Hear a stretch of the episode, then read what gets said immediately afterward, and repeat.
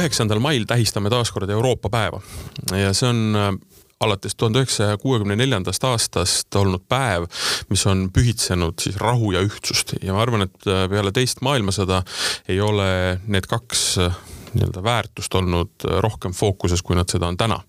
Ukrainas toimuv äh, sõda ja tänu sellele erinevad nii-öelda muutused ühiskonnas ja meie elus on, on piisavalt suured, et nendest äh, nagu lähemalt rääkida. üks asi, mis on äh, sada protsenti kõikidel täna meelel ja keelel, on energia ja pigem see, et kust tuleb see toore, millega me oma autot käimas hoiame, toad soojas ja, ja nii edasi nii edasi. ja Euroopa on väga tugevalt seotud idanaabri toormega ja me praegu rähkleme selles olukorras, et sellest pääseda. ja Eesti on otsustanud Vene gaasist loobuda, riburada tulevad teised sellele järgi, aga nagu ikka, ei ole see kõik nii lihtne, sest et maailm on globaliseerunud, me oleme üksteisega väga tihedalt seotud ja energeetika valdkond ei ole siin kuidagi teistsugune.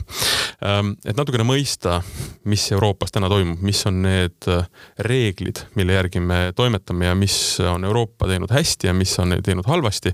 sellest hakkamegi kohe rääkima ja mul on üle laua kaks meest, kes oskavad mulle kindlasti väga hästi vastata. On Eesti Varude Keskuse juhatuse esimees Priit Enok ja Eesti esimest tuumajaama arendava Fermi Energia tegevjuht Kalev Kallemets. ma alustan kohe esimesena ühest üldisest, aga võib-olla hästi olulisest küsimusest, et, et mis seisus me hetkel Euroopas nii-öelda selle energiavaldkonnaga oleme, et mis seis meile vastu vaatab Ähm, nii sellest, et, äh, et on sõda käimas, mis on nüüd viimasel ajal suuri muutusi ette, esile kutsunud, aga ka ütleme pikas perspektiivis, kui me mõtleme siin nii-öelda mõnikümmend aastat edasi. nagu sa ütlesid, üheksandal mail tähistame Euroopa päeva. täna on veel mõni päev sinna aega. Äh, täna kuulutas president, komisjoni president välja kuuenda sanktsioonide paketi, mis on väga eriline, väga märkimisväärne ja tegelikult peegeldabki seda olukorda ja, ja peegeldab ka neid probleeme, mis meie ees seisavad mm, mida see sõda esimese asjana ju kaasa tõi, oli see, et noh, sellest me valdkonna inimesed noh, rääkisid sellest pikalt ja ammu, et muutust on vaja, et muutuste suunas tuleb liikuda. Mm, mis nüüd juhtus, oli see, et needsamad muutused äh, tulid meile sisse ilma meilt küsimata väga kiiresti, väga järsku ja kiirendasid kõiki protsesse. ja see, et me et Euroopa riigid või suures osas maailm on, äh, oli Vene tarnetest sõltuvuses, on jätkuvalt sõltuvuses, see ei olnud ju uudis. Mm, see oli statistiliselt teada, see oli numbrites näha. Mm, lihtsalt täna tuli see reaalsus selgelt esile, kui sõltuvad me oleme ja kui raske on sellest sõltuvusest niimoodi üleöö äh, väljuda ma täiendaks äh, sellist suurt pilti, et, et kus me Euroopas energeetikas oleme. et üks väga fundamentaalne eesmärk, mis Euroopa Liit on seadnud kahe tuhande viiekümnendaks aastaks, on saavutada süsinikuneutraalsus, et me fossiilkütuseid enam ei põletaks. täna on reaalsus, et kaks nädalat on kestnud Indias ja Pakistanis ulatuslik põud, temperatuurid on regulaarselt üle viiekümne kraadi. sellel saab olema ulatuslikud tagajärjed toidu kättesaadavusele sadadele miljonitele inimestele ja toidu hinnale, äh, ka sealhulgas ka Eestis. milline meie suvi saab tulema, praegu on esialgu olnud külm. täna, tänasel päeval on äh, Soomes miinus viisteist kraadi ühes kohas. et äh, kliimamuutused on väga reaalsed ja nende mõjud saavad olema nagu pikaajalised, kindlasti aastakümneteks ja sajanditeks märksa halvemad tõenäoliselt isegi kui me veel mõned aastad tagasi prognoosime, seetõttu see kliimaneutraalsuse saavutamine on absoluutselt põhjendatud ja hädavajalik. ja selleks äh, iseenesest äh, see, et äh, tänane sõda, mis loodetavasti lähikuudel siiski ühel viisil lõpeb meie vaenlase kaotuse ja, ja Ukraina võiduga meie kõigi ühisel pingutusel. Äh, viib kindlasti hinnad ülesse, aga noh, äh, mida on nagu vahest öeldud, et parim ravi kõrgete hindade vastu ongi kõrged hinnad, mis äh, motiveerib, näiteks mina vaatan, vaatasin eile, tegin proovisõitu elektriautoga, sest ja ma arvan, et ka väga paljud kliendid teevad, et ja ma tean, et tarneaeg on kas Teslal või Ford Mach-il on aasta aega. Ja nõudlus on selles valdkonnas nagu väga tugev, ka tuulikute puhul, täna tahad tuuliku tellida, neli aastat. tuumajaamade puhul samamoodi on tellimused tulevad sisse, et see muutus hakkab toimuma ja, ja peab toimuma väga kiiresti. kapital peab minema ümber fossiilkütustest teistesse energialiikidesse, mis ei kasuta äh, põletamist ja millega ei kaasne ulatuslik äh, miljardite tonnide CO2 atmosfääri jõudmine, kus ta nagu lihtsalt välja ei saa. nii et äh, see on see, ütleme, suure pildi muutus, mis peab kindlasti toimuma. aga mis on kahjuks objektiivselt reaalne, on, on see, et, et see muutus saab olema kallis, ebamugav vastuoluline ja, ja tekitab eriarvamusi, ütleme nii aga kui näha nii-öelda halvas asjas head, siis äh, tõenäoliselt see, mis praegu toimub, on lükanud nii-öelda sellele nii-öelda muutusele ikkagi hoopis teise hoo sisse, eks ju no,? ilmselgelt, ilmselgelt. ega sellised tärminid nagu kaks tuhat viiskümmend tunduvad küll kaugel ja et kas me sinna jõuame ja kuidas me sinna jõuame, aga noh, täna on selge, et äh, noh, nüüd võib nendes tärminites üsna kindel juba olla, eks ju. noh, poliitiliselt on kõiki neid tärmineid ka lühemaks lõigatud. nii et no siin ongi see koht, et, et kuni vaatame või mõtleme ennast tagasi kasvõi täna kuus kuud, siis kõigest, kõigist nendest samadest asjadest ju räägiti. räägiti sellest globaalsest sõltuvusest, see, millest Kalev ütles, et, et probleemide eskaleerumine Pakistanis, Indias, noh, võiks ju mõjutada meid. kuus kuud tagasi me rääkisime sellisel hüpoteetilisel mm. moel. täna me tunnetame seda. seesama näide, et kui läheme tagasi sellesama nafta või gaasitarnete juurde, siis seda, et see sõltuvus on olemas, polnud ju kellelegi uudis, aga täna me näeme seda reaalsuses ja täna me tõesti mõõdame asju juba noh, ma ei tea, kaardi peal või oma Excelites või, või tabelites noh, reaalselt tundides, päevades, kuudes, et üks näide, miks need Vene naftatarned siiamaani olid noh, väga loogilised ja miks see sõltuvus või ütleme, mitte sõltuvus sel hetkel, aga miks need ärilised seosed olid ju väga loogilised, vahemaad olid lühikesed. Mm, naftatarne meie Läänemere sadamatest kuskilt Primorskist või Ust-Luugast mm, siia meie kanti noh, mõne päeva küsimus. Mm, täna on, et, et see asi ära asendada, see tähendab, et see, see tooraine on olemas, see nafta on ju olemas maailmas, aga see peab tulema kusagilt, kuhu see laevatamine siia võtab kuu nelikümmend päeva, võib-olla viiskümmend päeva. ja see on juba reaalselt mõõdetav muutus. ja see tegelikult kajastub ka hinnas ja see kajastub noh, kogu selles struktuuri ümberkujunemises, mis ilmselgelt panebki meid mõtlema, et kas me lihtsalt üritame selle naftabarreli, mis tuli Venemaalt, asendada naftabarreliga, mis tuleb kuskilt mm -hmm. Saudi Araabiast. või me siiski oleme juba nii palju nutikad, et me keskendume lahendustele, kus me vähendame seda sõltuvust ja vähendame seda naftabarrelite kogust, mis siia regiooni tulema peab. Euroopa on selles suhtes ju kõige sõltuvam, kõige sõltuvam üldse. ma, ma asendaks selle sõna vähendame lihtsalt äh, sõnaga lõpetame, et äh, täna äh, on otsused tegemisel nafta osas, et lõpetada tarned kümnendal märtsil, kui mul õnnestus endal Pariisis osaleda Prantsuse energeetika, e-, noh, Prantsuse Euroopa Liidu eesistumise energeetikakonverentsil samal päeval tehti Versailles äh, nõukogu otsus, et äh, komisjon peab töötama välja tegevuskava kuni kahe, kuni kahekümne seitsmendaks aastaks lõpetada kõik energiakandjate tarned Vene Föderatsioonist mm.. sest, sest muidu me lihtsalt finantseerime neid õudusi ja, ja seda vägivalda, mis Venemaalt on järjepidevalt tulnud. järjepidevalt ma rõhutaks, et see ei ole nagu, nagu üllatus nüüd, et nagu Butšas, eks ole. et kõik me, mida me nägime järjest, Süüria, Aleppo, Gruusia, Tšetšeenia, kõik need õudused, õudused. me kuidagi eurooplased ja lääne-eurooplased aktsepteerisid kuidagi, et saame ikka sõbraks, nagu teeme kaupa ja siis äkki muutuvad. no ei muutu ja, ja kahjuks tuleb nagu tõdeda, et meie vaenlane on ideoloogiline vaenlane ta näeb meid kõiki natsidena. nii et äh, ainuke see protseduur, kuidas äh, äh, usutavalt meile julgeolek äh, saabuks, on see, et nad ei saa meie raha, sadu miljardeid eurosid ja, ja nad äh, läbivad sarnase protsessi mida nad läbisid kaheksakümnendatel, üheksakümnendatel ja nad tõepoolest muudavad enda hoiakuid. aga see võtab aega, see võtab aega aastaid ja võib-olla aastakümneid ja me peame lõpetama kõik toorme impordid ja kaubandussuhted Vene Föderatsiooniga seni, kuni meie kontinendil on rahvaste julgeolek tagatud. ja see on kallim kui, kui gaas, nagu on peaminister ütelnud. ja noh, see peame, peame tunnistama jah, et Vene Föderatsioon on maailma suurim fossiilkütuste primaareksportija. nii et see saab minema meile kalliks, aga veel kord, elu on kallim kui gaas.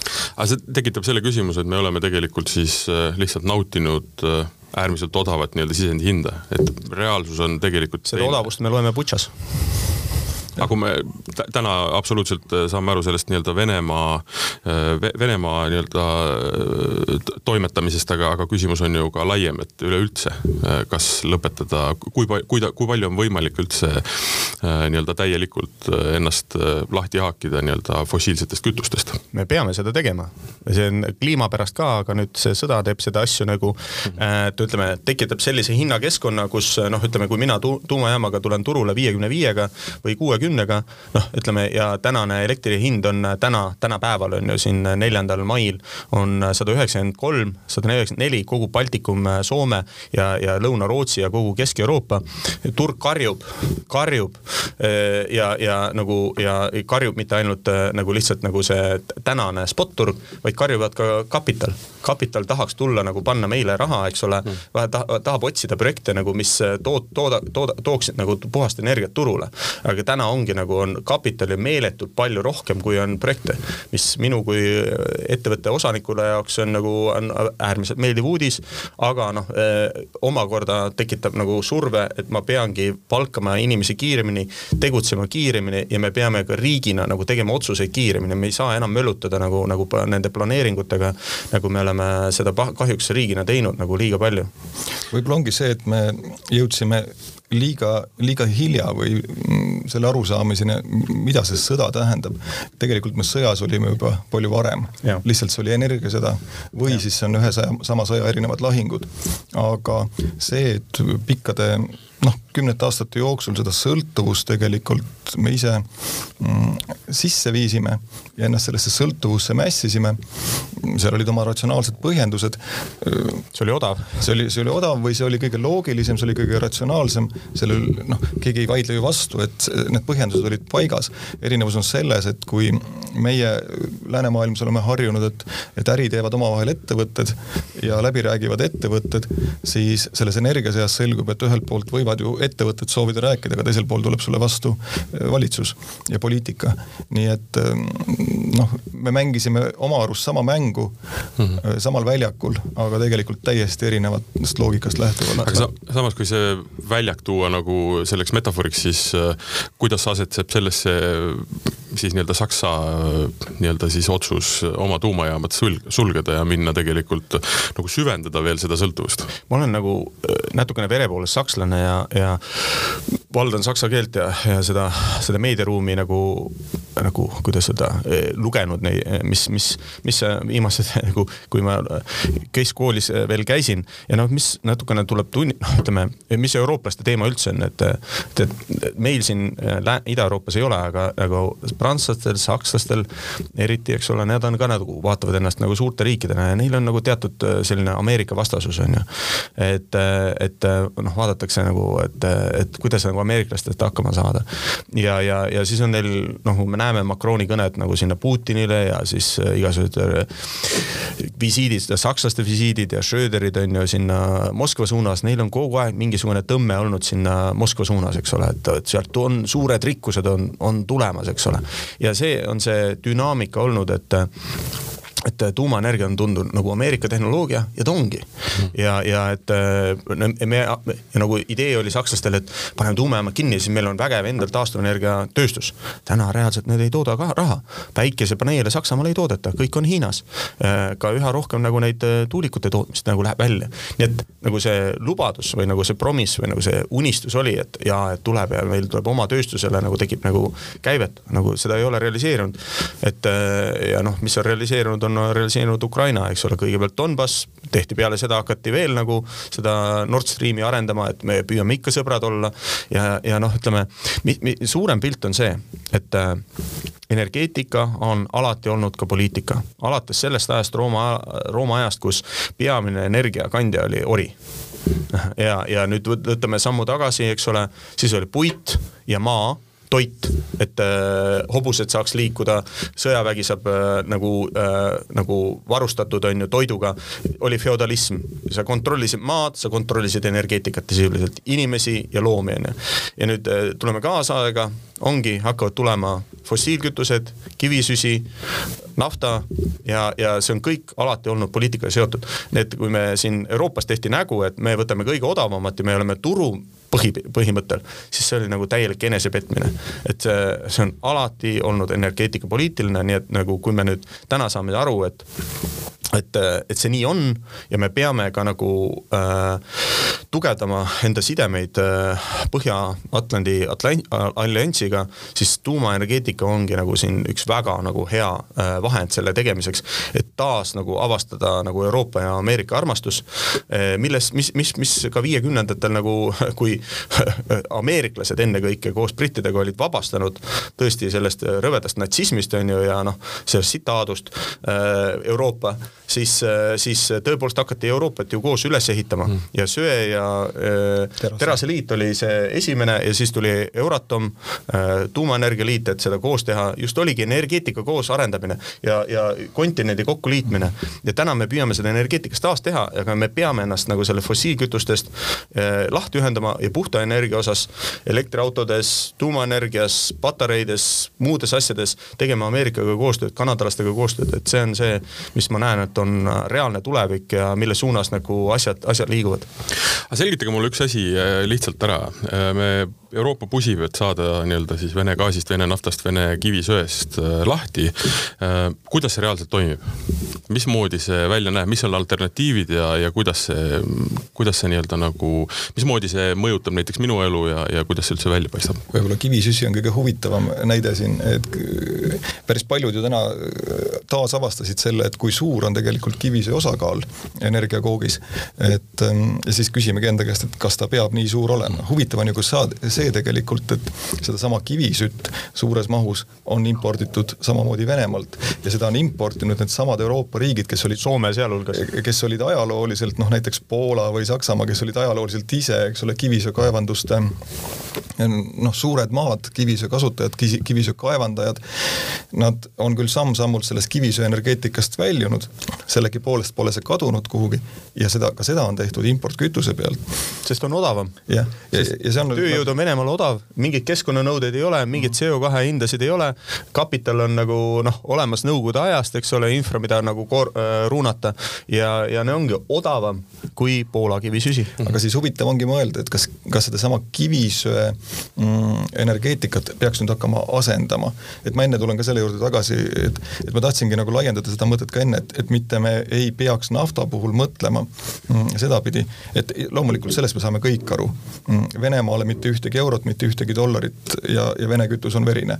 nüüd mm, lihtsalt mõte oligi see, et kas me peaksime siis proovima sellesama barreli, mis Venemaalt tuli ajalooliselt, asendama Saudi Araabia barreliga mm. või me peaksime loobuma mõlemast, vähemalt samm-sammult.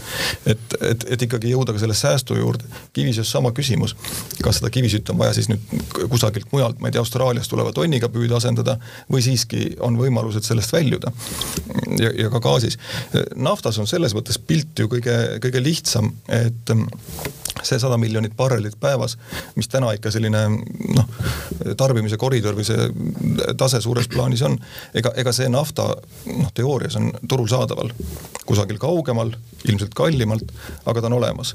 siin noh, need väga lihtsad äh, lahendused, millest on noh, mitte lihtsad, need on kõik poliitilised lahendused, aga et, et hea küll, Venemaa mm, kaubavahetus kukub ära, et äkki suudame Venezuelasse tagasi minna, äkki suudame Iraaniga midagi taastada. noh, see tähendab, et me hakkame tegelikult läbi rääkima, eks ole, teiste sarnaste või, või, või noh, teiste valitsejatega, kellega me nii no, väga ei tahaks ei muuda midagi, me lihtsalt maksame rohkem. jah, ja, ja, ja me ikkagi selle raha anname siis mõne sellise režiimi ja. käsutusse, kuhu me hea meelega seda mm. ei, ei annaks.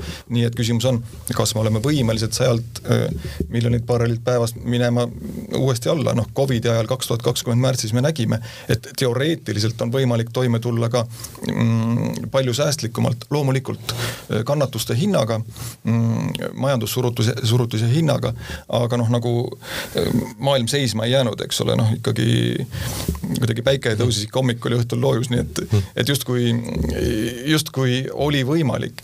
aga noh, mida see kõik näitab ja, ja lõpuks nagu Kalev ka ütles, et, ähm, et noh, me ajaloost viiekümnendatel nägime, kuidas läbi energeetika jällegi sellist noh, koostöövaimu üles ehitati mm,. ajaloos on need noh, läbitud etapid, et ikkagi ajalugu kordab ennast.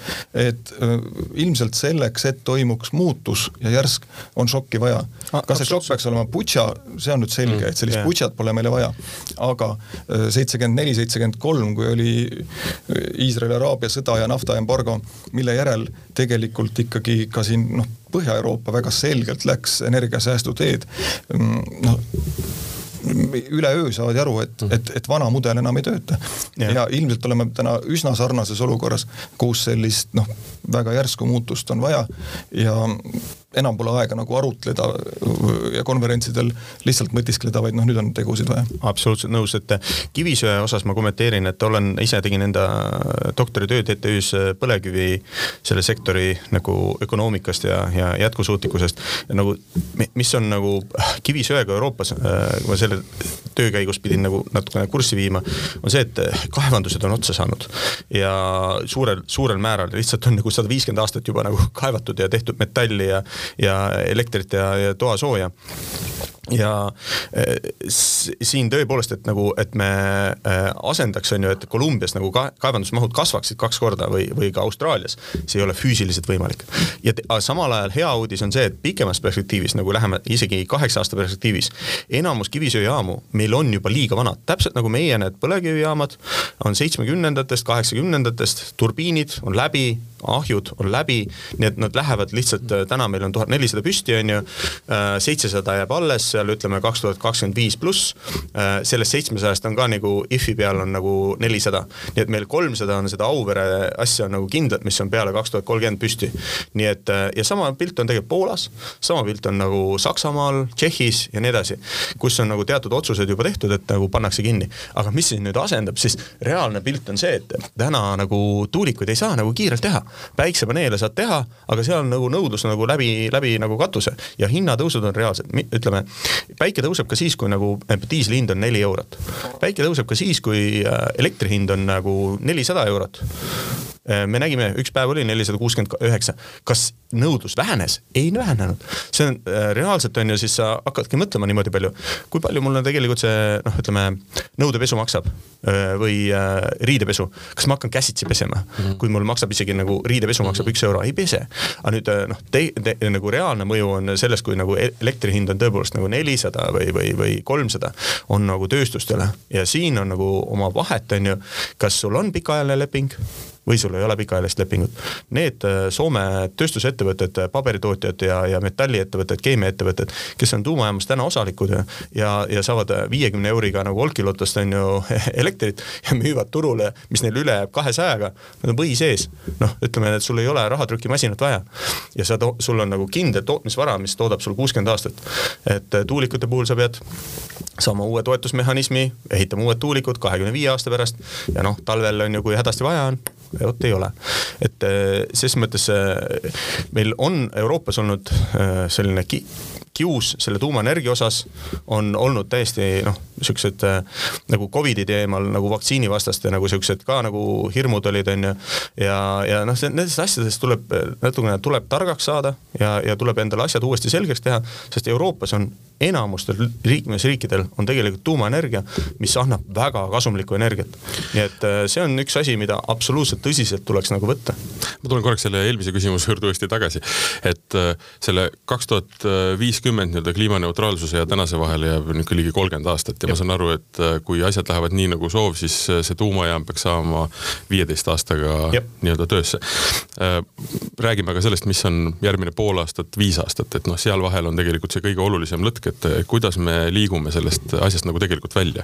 kas see mõju nii-öelda vähendamisele tuleb siis sellest, et hinnad tõusevad, lihtsalt inimesed hakkavad vähendama oma igasugust tarbimist, tööstused hakkavad äh, äh, nii-öelda innoveerima, muud moodi nii-öelda kasutama oma, oma nii-öelda siis äh, võimekust, et, et toota või, või, või, või teenuseid pakkuda. et kuidas see täpselt on, et mis, mida me oodata võiksime sellest, sellest nii-öelda võib-olla väga järsust niisugusest nagu šokist, mida me siin ka mainisime? noh, targemaks peame saama ja targemaks mitmes mõttes ja üks ongi see, et noh, nagu see üks näide oli, et elektrienergia hind võib olla ka päeva keskmises neljasaja ja viiesaja vahel ja kui me siis sellegipoolest oleme valmis seda hinda maksma, ühiskonnana ja mõtleme, et noh, hüva, ebamugav on, tuleb midagi tegemata jätta, aga noh, maksan selle energia hinna ära ja sellega lepin, siis noh, ei ole väga tark lähenemine tegelikult. teine nagu palju šokeerivam vaade on ju see, et kui meil kahekümne neljal tunnil ööpäevas ei ole enam võimekust elektrienergiat või elektrienergiat anda ja, ja see on nagu see, millega, milleks me peame ka valmis olema. et ootamatult tuleb toime tulla näiteks sellega, et sul kahekümne kahel tunnil pirn põleb või, süsteemid töötavad. ehk et sa oled sunnitud säästma ja siis sa nüüd mõtled, et kas sa suudad seda energiavoogu jagada väiksemat voogu nagu ühtlasemalt või sa peadki hakkama tegelikult tegelikult väga järske lõikeid tegema. see ei olnud päris täpselt nüüd vastus sinu küsimusele, aga need on, need on need mm, lood, mis võivad juhtuma hakata ja nüüd nende traditsiooniliste mm, energiakandjate puhul mm, nafta või gaas, eks tulebki küsida, mis on siis need alternatiivid. üks tark alternatiiv selgelt on säästmine. see ja see säästmine, säästmine peab olema teadlik, mitte ainult, et me säästame mm, hädapärast, sellepärast et teistmoodi enam ei saa, vaid tegelikult, kui me ikkagi säästame ka teadlikult, süsteemselt ja läbivalt ühiskonnas, siis see tuleb ka valutumalt kätte ja sa oled ise ka lõpuks ilmselt õnnelikum, et sa suudad oma tarbimist kuidagi juhtida teine asi on see, et eks need, ka need traditsioonilised äh, kütused ju muutuvad aina intelligentsemaks. noh, me näeme biokütuseid, ka vedelaid biokütuseid, me näeme ka biogaase. selge see, nad ei ole täna oma arengus sel tasemel ega ka oma hinnatasemel seal, et nad suu-, et sellega oleks võimalik kogu seda harjumuspärast mm, maast pumbatavat asendada.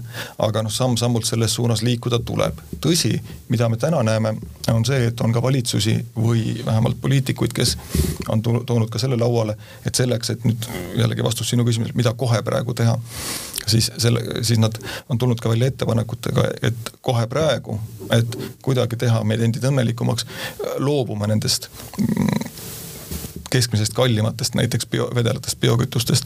no küsimus on, kas see on kõige targem lähenemine, sest et kui sa millestki niimoodi olude sunnil loobud, ega sa selle juurde tagasi juba väga naljalt ei, ei jõua. täpselt, energeetika on jah, väga pikaajaline pikaajaline valdkond, et äh, nagu, nagu ka naftast on ju, isegi kui me nagu kõige paremal kujul nagu prognoosiksime, et nagu te, täna ütleme faktiliselt, meil on kuussada tuhat autot, sõiduautot Eestis, ütleme reaalselt nendega nagu kolmesaja tuhandega sõidetakse igapäevaselt. ja sõidetakse läbi noh, miljoneid äh, kilomeetreid. nagu ütelda, et nüüd kogu laag- ja mina elan laagris, et nüüd tule laagrist äh, Tallinna, mul on siin äh, vaja laps panna lasteaeda ja, ja siis äh,, ja siis vaja siin käia kolmes-neljas kohas nagu siin linnas linnas on ju, et äh, pane jalgrattaga, eks ole, äh, päevas äh, kolmkümmend, nelikümmend kilomeetrit, noh, ma ei taha surma saada. see on ka mul päris tähtis, et ja, ja noh, lihtsalt talvel sa ei tee seda, nii et, nii et nüüd kuidas ja nüüd, kui me tahame nagu päriselt elektrifitseerida, nii et palju meil siis on, kolmkümmend aastat on jäänud, kaksteist kuud, korruta, palun väga, see on kolmsada, nii et tähendab, meil peab olema iga kuu peab olema sisuliselt tuhande elektriauto müük selleks, et me jõuaksime kasut-, regulaarselt kasutatavate nagu autode nagu osas täieliku elektrifitseerimiseni äh, sisuliselt äh, järgmise kolmesaja kuu jooksul. ja tähendab... nii, nii lihtne see mate on, et äh, noh, kolmsada, kolmsada kuuskümmend on ju, mhm. et äh, noh, hästi jämedalt on ju tuhat elektriautot kuus peab olema läbimüük, selleks, et me jõuaksime nagu kaks tuhat viiskümmend nagu niimoodi, et äh, sisepõlemismootoreid noh, ütleme enamus kasutuses enam ei ole. et äh, see on see, see on see mata ja täna meil on reaalselt äh, niimoodi, et äh, tuleb tuhat autot tuleb aastas, eks ole. no tegelikult ta tähendab ikkagi noh, täielikku ja läbivat nagu muutust ühiskonnas. üldse me kõigest sellest, kuidas me üldse maailma näeme, kuidas me liigume, mismoodi me elame, eks ju, et noh, et kas seesama väikene asi, mida sa ka Priit mainisid, et, et või, või, või ka Kalev, sina, et millal me peseme oma nõusid ja, ja nii-öelda siis riideid, eks ju. et see on täiesti normaalne ju tegelikult, et sa valid kõige odavama viisi, mitte ei lase siis, kui sulle nagu endale sobib, eks ju, et noh, see, säästmise moment, aga üleüldse jah, need linnad, kõik see infrastruktuur, kõik, kuidas me elame, et see peab hoopis teistsuguseks muutuma, et meil see, see ega ta liiga palju teistmuutuseks ka ei saa muutuda, et ega me vanalinna nagu ümber ei lükka ja nüüd teeme sinna nagu A-klassi hooned. meil on see stokk, mis on, on ju, ja noh, Lasnamäed samamoodi. see, mul on äh, abikaasa energiatõhususe spetsialist, et, et lasteaiale sa võid nagu panna päiksepaneelid katusele, aga nagu või, või koolile on ju, aga koolis ju lapsi ei ole nagu suvel. et, et see noh, ütleme jälle on niisugune paberil efektiivsus. sama on selle Lasnamäe või Mustamäe või mis iganes, ega me ei lükka neid hooneid pikali ja isegi kui me paneme sinna kasuka ümber, siis me saame parimal juhul C-klassi, parimal juhul. et ja, ja, ja kui me paneme ventikad ehk et sundventilatsiooni, isegi soojustagastusega, nad lihtsalt hakkavad rohkem elektrit võtma. et see toimub nagu teatud konversioon nagu energiakandjas. nii et kui me, hästi jäme arusaam, mida siin Euroopa dekarboniseerimises öeldakse, et elektri tarbimine peab kahekordistuma selleks, et nagu fossiilkütuste kasutamine nagu nulli viia. kuidas me seda teeme? ilma fossiilkütusteta nagu elektri tootmine kahekordistada. -hmm. nii et, et täna on nagu kõige suurem osakaal Euroopas ongi tuumaenergia, siis on taastuvenergia. me peame, need, need moodustavad vähem kui poole kogu toodangus ja, ja me peame see, see tuumaenergia ja taastuvenergia kokku peab neljakordistuma sisuliselt tänasest. Nii et halleluuja, tööd on palju. kõik äh, inimesed äh, ju vaatavad seda särki, mis on nii-öelda neil seljas, mis tähendab seda, et kui me Eestis vaatame, siis oluline on see, et kuidas oleme meie varustatud. mis tähendab seda, et noh, et ei tekiks seda šokki, et kakskümmend neli tundi ei ole elektrit toas. ma kujutan ette, et see on veel kümme korda hullem šokk, äh, kui äh, meil siin viimase aasta, viimaste aastate paari nii-öelda šokki on olnud.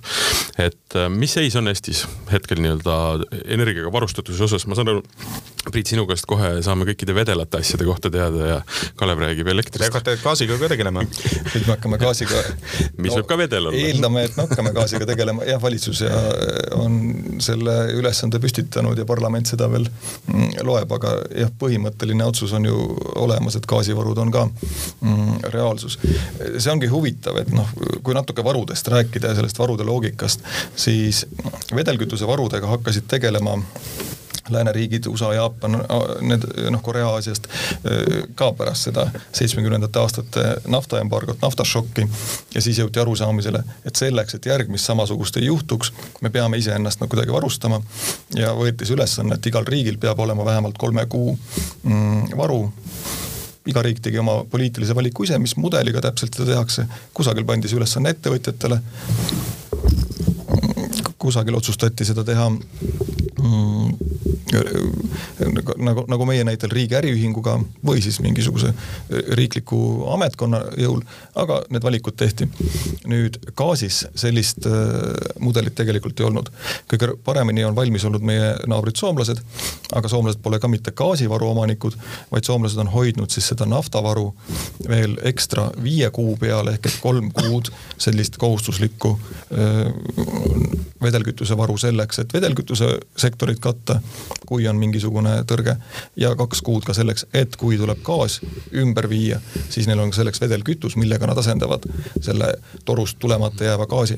nüüd aga üldiselt see, mida me nägime siin detsembris, jaanuaris, veebruaris, oligi mõnes mõttes mm, see tulemus, et gaasis sellist valmisolekut, sellist üldist solidaarset valmisolekut mm, puudujäägiga, puudujäägile vastu hakata ei olnud nüüd on otsustatud, et tuleb teha ja, ja ei tee ainult meie Eestis, vaid sellesama otsuse on langetanud terve rida, rida riike Euroopa Liidus ühiselt liigutakse selles samas suunas. noh, mis on kahtlemata keeruline, on siis, et varusid teha sellises kriisiolukorras, mõnes mõttes sellise hinna, hinna kõrgelt tasemelt ei ole just kõige mm. parem lähenemine. et sellesama naftatoodete näitel noh, ikkagi kui sa varusid pika aja jooksul, siis on ka see majanduslikult paremini korraldatav aga see on nüüd see ajalugu. aga selleni jõuti siis naftas ja vedelkütustes just jällegi seal seitsmekümnendatel. noh, gaasis tuleb siis nüüd teha. mis on kindlasti ikkagi vaja ära märkida Eesti näite pealt, on see, et Eesti ju statistiliselt jah, naftatoodete ja kütuste pealt me oleme sada protsenti impordist sõltuvad. kogu bensiin mootoribensiin, diislikütused, jah, me sõltume impordist. meil ei ole ka endal rafineerimistehaseid. ega neid riike väga palju pole, kellel rafineerimistehaseid ei ole.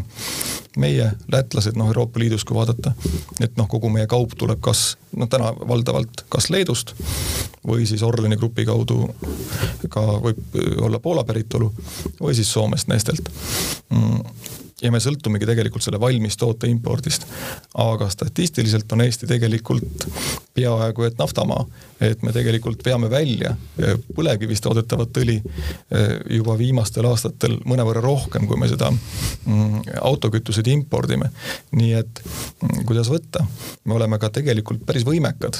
Ehm, noh, siin me hakkame siis kindlasti ka arutlema selle ümber, et kuidas need keskkonnamõjud on ja kas see on nutikas ja mis see perspektiiv võiks olla, aga lihtsalt kui statistilisi statistilisi numbreid vaadata, siis Eestil on ka omad, omad võimalused vähemalt katlakütuste poole peal ennast majandada. see perspektiiv on nagu, hästi kiirelt ütlen, et põlevkiviõlis on nagu null, sellepärast et täna nagu põlevkiviõlitööstus saab äh, tasuta enamuse kvoodist. kui see kvooti, tasuta kvoot läheb nulli ja noh, äh, enne ettevõte peab ostma miljon tonni nagu CO2 kvooti hinnaga kaheksakümmend viis või, või noh, tulevikuhind sada viiskümmend miljonit äh, eurot on ju, siis noh, lihtsalt ei kata ära. ja, ja siis selle, sellel aastal, kui see sinnamaale või kvartalis, kui see asi sinnamaale jõuab, siis on nagu, nagu äh, sellega läbi.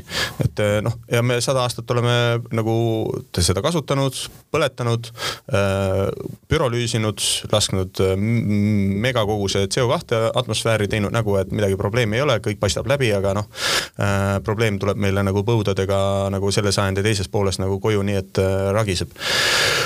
Ja, ja, ja nüüd, mis on huvitav teema, on need elektripoisid, et äh, mis on minu nagu äh, leib, et äh, siin on riik teinud otsuse, et meil peab olema tuhat megavatti varustuskindluse tagamiseks äh, juhitavat tootmisvõimsust. Äh, ma saan aru, et äh, korraldus on, omanik annab Eesti Energiale kuni kahe tuhande kahekümne viienda aastani.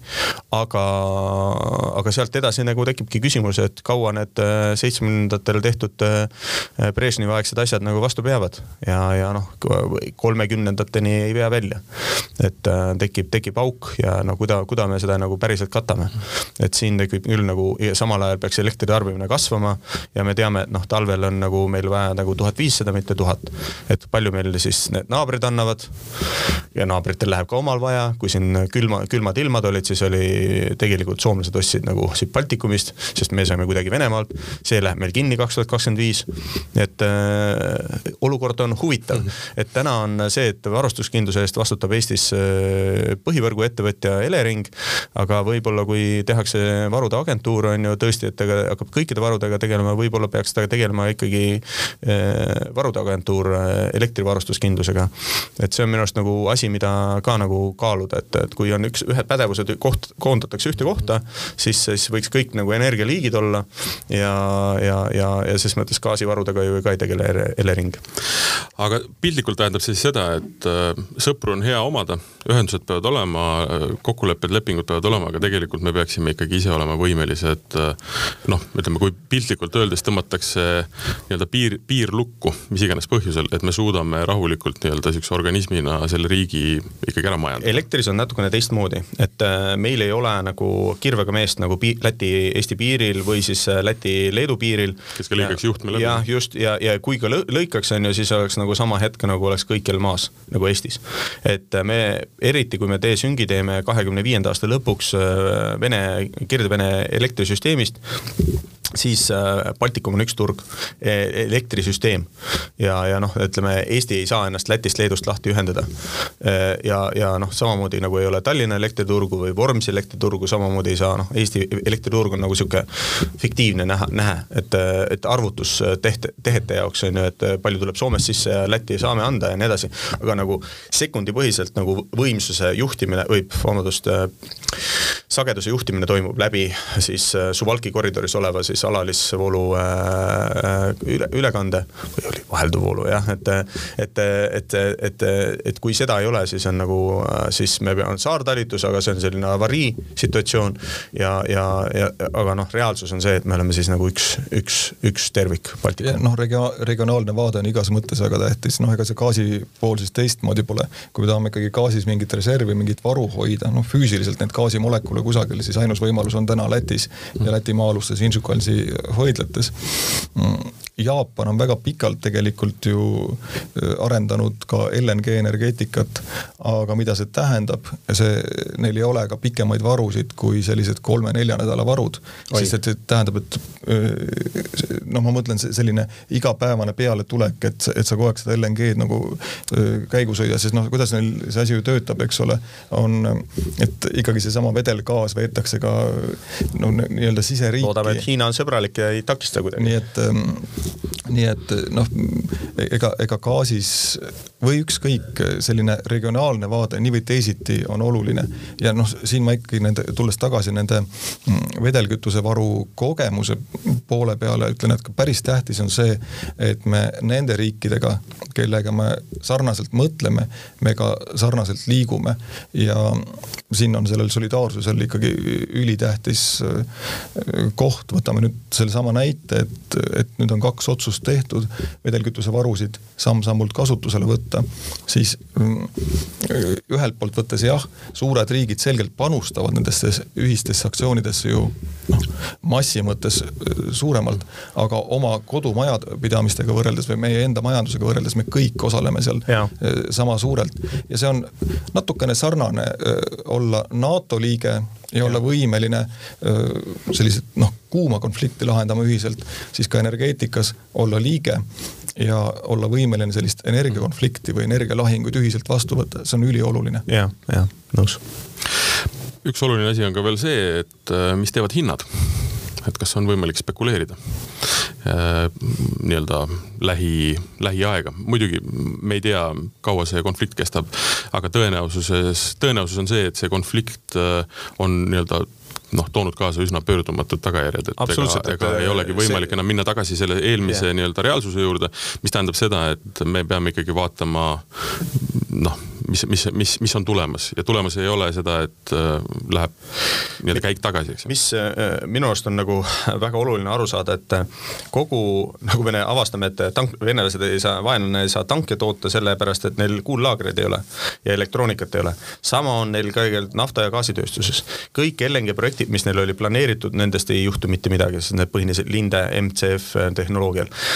ka nende tänased LNG terminalid, need viie kuue aasta jooksul need lihtsalt ei ole jätkusuutlikult töötavad, kui nad varuosasid ei saa ja teenindamist. sama on naftatööstuses ja gaasitööstuses üldiselt.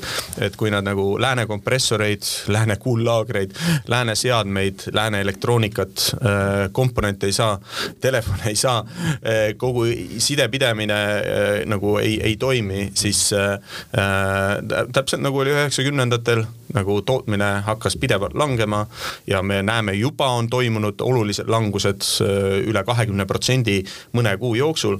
Need äh, langused tulevad ja sellel saab olema kindlat mõju nagu turgudel ja noh, mis on veel nagu, et, et äh, teistpidi, et et kui me näiteks Kataris tahaksime nagu LNG tootmist kahekordistada või ka USA-s, siis lihtsalt füüsiliselt ühe LNG train'i nagu tootmisahela valmis ehitamine, kui sul on kõik planeering ja nii edasi paigas, emiir ütleb, pange, siis on kolm aastat. kolm aastat on lihtsalt, et see nagu äh, äh, nii et, et kahekordistamine, see võtab aastaid, aastaid, aastaid. nii et äh, see, et Venemaa kukub ära, selle tagajärg saab olema üks väga lihtne äh,. hinnad saavad langema. nüüd siin on palju muutujaid, on ju, et tõesti, et äh, kuidas kuidas Covid Hiinas areneb, millised saab olema hindade nagu omakorda tagasimõju mehhanism majanduskasvule, see kindlasti on negatiivne milline üldse no ütleme, selle geopoliitilise situatsiooni ebakindluse mõju nagu investeeringutele ja sellele situatsioonile, hinnamuutuste mõju skp kasvule ja siis intressimääradele, seal tulevad intressimäärade tõusud ja sellest kaasneb omakorda nagu tagajärjed, on ju.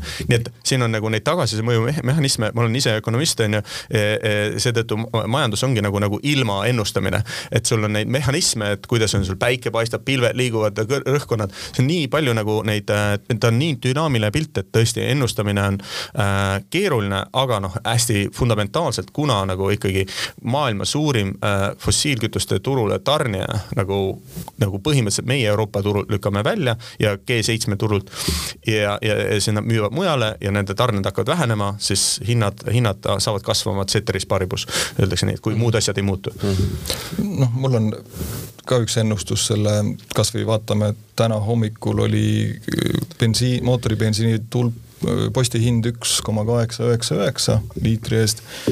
vanasti oli, mõned targad ütlesid, et noh, tal on kolm stsenaariumi nagu hindade muutuses, kas tõuseb, langeb või jääb samaks. noh, ma nagu, ma ühe, ühe optsiooni võtan siis, siis ära, et ma arvan, samaks ei jää, aga kas tõuseb või langeb. tegelikult on olemas ka stsenaarium, mille kohaselt võiks see hind kuskil kuue kuu perspektiivis või kaheteist kuu perspektiivis ka lange, langusesse minna. aga see sõltub nii paljudest asjaoludest. tegelikult see tänane kõrge postihind jällegi nende samade mootorikütuste puhul ongi üks mõjur, mis on, ongi see kahe tuhande kahekümnenda aasta Covid ja tegelikult Covidi ajal me ju nautisime väga madalat postihinda mis tähendas seda, et selles sektoris jätsid, jäeti ka investeeringud tegemata ja energeetikas ja. nii on. see tegemata investeering, see mingil hetkel peegeldub kõrges ja. hinnas, sest et mingid uued võimsused ei tule turule või mingi asi kukub turult ära, tootmist ei ole ja konkurents läheb tihedamaks, nõudlus on mingil hetkel suurem, kui vastu pakkuda suudetakse. see, mida me täna turul näeme jällegi naftatoodetes on see, et me sööme reserve ja see ei saa lõputult niimoodi kesta ja see on ka see, mis hinnas peegeldub. ütleks veel ühe põhjuse nagu, see on keerulisem, et miks hinnad tõusevad minu arvates, on see, et kuna me kees, ütleme Euroopas üldiselt ja need, kes nagu COP kahekümne kuuega või jah, nagu päriselt on liitunud ja nagu dekarboniseerivad, on indikeerinud kapitaliturgudele noh, ulatuslikult, eks ole. et, et ärge pange raha kivisütte, põlevkivi, naftasse, gaasi ja, ja, ja noh, metaan on ka eraldi probleem. siis äh, kuidas sa nagu seda, sellist investeeringut teeks? sellepärast Eesti Energia ei saanudki raha nagu pankadest ja pidi saama riigi käest äh, oma kappi selleks, et nagu teha nagu see Enefiti uus äh, tehas. ja pangad ei anna sinna sektorisse laenu, need kapitalivood sinna nagu tõmmatakse kokku. samal ajal nõudlus püsib tugev ja, ja tekib selline dihhotoomia, et kapit- nagu praegu on hästi kuum poliitiline teema on see, et British Petroleum tekkis ja Shell tekkisid erakordsed kasumid, on ju. ja, ja noh, nagu tekib tahe, et neid, neid maksustada, mis võib-olla seal on mingi point on ju isegi. aga, aga kuna nagu turg ise pidi kar strateegiliselt karjub, et viieteist aasta pärast teie toodangut on vähem vaja ja seda nagu araablased ütlevad ka eurooplastele, kui te ise ütlete, te dekarboniseerite, kust me nagu siis investeerima peame. nii et nagu lühiperspektiivis ma nagu ütlen, see on see dünaamika, miks ma näen, nagu hinnad saavad olema nagu kahjuks äh, kallimad, aga jällegi, kõrged hinnad on äh, üks parimaid mehhanisme nagu kõrgete hindade vastu. et, äh, et äh, paraku jah, nagu haigusest teistmoodi kui, kui higistades nagu lahti ei saa, et see on ebamugav. aga et me ju räägime Euroopa päevast, siis mida ja. Euroopas oleks vaja saavutada, on see, et meie ütleme, selle energiakomponenti osakaal meie üldises äh, majanduses, sisemajanduse koguproduktis peab vähenema.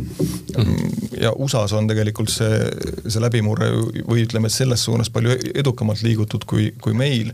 et ähm, mingid matemaatika põhjal võiks võrrelda, et kui, kui meie majanduses oleks energiakomponendi osakaal kas või ma ei tea, protsendipunkti võrra väiksem mm., siis päris mitu majandust, noh Eestist rääkimata, Eestist palju suuremad majandused, võiksid rahulikult jala üle põlve visata ja elada nende viljade najal, sest tegelikult on ikka väga suur kulukomponent, mis meil kogu energeetikas või läbi energiakomponendi meie majandusse läheb. ja mis on äh, rahavoog, mis läheb Euroopast välja, sest meil enda nagu Euroopa enda gaasi, nafta, kivisöe tootmine on täpselt nagu Priit rääkis, on pidevalt langenud, pidevalt langenud sa võtsid mul sõnad suust, ma tahtsin jah öelda, et äh, räägime Euroopast ka natukene, ma tahakski viimaseks asjaks võib-olla küsida seda, et äh, et me ainult ei räägiks nii-öelda negatiivsest asjast või sellest, mis on nagu tegemata, et mis on võib-olla paar ühelt poolt, et mida on Euroopa Liit teinud nii-öelda selles valdkonnas nagu hästi ja. ja mis on need otsused, mis on võetud vastu selleks, et jõuda nii-öelda selle tulemuseni, millest me oleme ka siin rääkinud, nii neutraalsus, süsinikneutraalsus kui ka siis nii-öelda väiksem sõltuvus Venest, Vene, Vene nii-öelda energiasisenditest, et nii lühikeses kui pikas plaanis ja mis on võib-olla niisugune asi, millega on nagu noh, räigelt võib-olla puusse pandud või mis, millele peaks nagu rõhutama ja, veel? mina olen väga rahul sellega, et äh, selle aasta jaanuaris Euroopa Komisjon tuli välja jätkusuutliku rahastuse taksonoomia äh, lisa delegeeritud aktiga või siis rakendusaktiga, kus oli sees tuumaenergia. seal olid kindlad kriteeriumid, aga see indikeeris selgelt eh, kapitaliturgudele ja arendajatele, et eh, see on koššer. kuni kaks tuhat viiskümmend, kui jäätmete hoidlus, eh, lõpphoidla on rajatud, avariigide kütus kasutusel, siis, siis see Euroopa vaatest on jätkusuutlik investeering. ja vaatame, vaatame nende seitsmekümnendatesse, Prantsusmaa oli see, kes kõige nagu selgemad otsuse tegi, viiskümmend kolm tuumajaama tegi ja need töötavad ja täna on neil seitsekümmend viis protsenti elektri tootmisest on äh, tuumaenergia peal, kõige madalam CO2 jalajäljega Euroopas, võib-olla noh, Rootsi on midagi sinna, sinna lähedale, äh, aga neil on hüdro ja noh, nagu Prantsusmaal nii palju mägesid ei ole ja töötavad, töötavad ja pole ühtegi õnnetust olnud Euroopa Liidus. üle saja jaama on Euroopa Liidus ja töötavad ja, ja kolmteist liikmesriiki analüüsivad uute jaamade tegemist, äh, valmistavad ette või on otsuseid teinud, mida, mida on vaja meil selles valdkonnas ka, ma ütlen tuumaenergia valdkonnas, meil on rohkem konkurentsi vaja. et meil on liiga nagu see valdkond on ka nagu väga ka, sinna kahekümnendasse sajandisse kinni jäänud, kus kõik, kõiki asju, otsuseid pidi tegema riik ja arendama riik ja nagu sihuke kolhoosimajandus mm. -hmm ja, ja see on, see on jama, et meil on selles valdkonnas ka vaja nagu paremini nagu konkureerivat äh, ja energeetikas üldse meil on tegelikult rohkem konkurentsi vaja. Saksamaal kolm suurt energiaettevõtet, sihuke kuramuse oligarhia tegelikult on ju, äh, et seal äh, ringkäendus on ju, et sina teed gaasi, mina teen, toodan siin. tegelikult nagu jõulist sellist konkurentsi nagu võib-olla nagu infotehnoloogias või siis äh, elektroonikas nagu ei ole. et ja konkurents on see, mis tegelikult tarbijatele ju paremat toodet pakub. nii et meil on vaja nagu nagu nii tuumaenergia, taastuvenergeetikas on see konkurentsielement nagu väga tore, eh, arendajaid on palju ja, ja kapitali liigub ja talenti liigub sinna. aga noh, seda tänu toetustele, aga meil on tuumaenergeetikas ka vaja uut dünaamikat, selliseid ettevõtteid nagu Fermi-Energia. me osaleme ise nagu mõndade asjade algatamises äh, mujal ka Euroopas ja, ja seda, seda nagu ka, paraku tuleb tunnistada, et kõik riigid ei ole nagu sellise ettevõtluskultuuriga nagu Eesti või nagu sellise äh,, et noh, neid tuleb natukene käest kinni võtta ja rebida, et et äh, noh, näiteks Soome on ju, kus siin tehti, asju on hästi tehtud mingis mõttes, aga nagu kõik lähevad kuidagi veni, venivad ja kuidagi sihuke oh, väga korporatiivne, väga nagu sihuke, ma ei tea, mis, et äh, meil nagu äh, tahaks, tahaks nagu selles tuumaenergeetika valdkonnas nagu rohkem liikuda kahekümne esimesse sajandisse, kus on, sa pead oma äh, oma investoreid hästi informeerima, avalikkust hästi informeerima, tegema koostööd paljude partneritega otse turul ja, ja noh, ei ole liiga nagu sihuke suletud, mis mulle, mulle üldse ei meeldi mida me ju üksikisikutena oleme näinud ja mis on ka ju mõne viimase aasta areng olnud, et see üks näide päikseenergeetika või päikseelekter veel võib-olla kui läheme viis aastat tagasi ajaloos, siis pigem visati nalja selle ümber, no mis päike, meie laiuskraadil. noh, nüüd me näeme, et, et tuleb ja, ja, ja veel kuidas ja kõigel sellel on mõju, noh, mida see näitab, see näitab ka tegelikult sellist eh, targemaks saamist ja selles, seda, et me ikkagi usume nendesse uutesse lahendustesse aina enam. aga mida nüüd need kahekümne neljandast veebruarist äh, alanud sündmused või sel hetkel siis kuumaks läinud sündmused on positiivset kaasa toonud, on see, et kuidas need vanad virisejad ütlevad, et noh, saame küll, kui tahame või saame küll, kui väga on vaja. et, ähm, et, et ootamatult on, on tekkinud see võimekus ka Euroopa tasandil langetada otsuseid ja langetada otsuseid päris kiiresti. et see on ja. täiesti uus asi, et, et me oleme ikkagi nagu sellisest ähm, loosungite ja pealkirjade faasist noh, kurbade sündmuste jõul küll, aga siiski oleme välja tulnud ja, ja see on uus. jah, ma väga kiidaks, et äh, komisjon on, äh, eriti komisjoni president ja, ja nõukogu esimehe president ja, ja paljud riigijuhid, äh, meie peaminister sealhulgas, aga ka Poola ja nii edasi, ikka väga head tööd on teinud veenmisel leida, leida see kompromiss, et ungarlased siis saavad sellest sanktsioonidest mingiks ajaks välja jääda, et ikkagi nagu teha need otsused ära. kuues pakett tuli, tuleb seitsmes, tuleb kaheksas, ma tulen kindel neid nagu vaenlased tuleb võita, et ja, ja selle tõttu nagu me hoiame kokku ja, ja, ja teeme nagu noh, ses mõttes on põhjust Euroopa üle uhke olla äh, mis hetkel saab Priit oma keskuse kinni panna ja me oleme täiesti ainult nii-öelda elektri peal? Ei no ka siis on varustuskindlus teema, ka siis on, äh, ma arvan, et see, see teema ei kao ära, mina, mina isiklikult olen veendunud, et meil, meil väljakutseid jagub viiskümmend, viiekümnenda aastani ja sealt edasi, et äh, kuidas, kuidas tegelikult äh, seda dekarboniseerimist lõpuni viia, sest ma kahjuks usun, et me isegi Euroopa Liidus parimate tahete, tahete juures me dekarboniseerimist lõplikult ei saavuta. kahjuks mitte. Martin, muide, mõtle niimoodi, mm, me oleme kütusevaru teinud Eestis nüüd täna seitseteist aastat ja ja noh, me läksime sellele rongile siis, kui Eesti liitus Euroopa Liiduga. teised riigid on seda palju pikemalt teinud. ja tegelikult nüüd on need esimesed reaalsed äh, olukorrad, kus me seda tõesti kasutusele võtame noh, enne seda oli siis seal äh, orkaan Katriina ajal ja olid sellised sündmused noh, Liibüa kriisi ajal väikses mahus. nii et tegelikult seda kasutuselevõttu on olnud ka sellesama vedelkütuse poole peal vähe, aga me pole pannud ju küsimärgi alla seda, et, et kas need varud peaksid olema.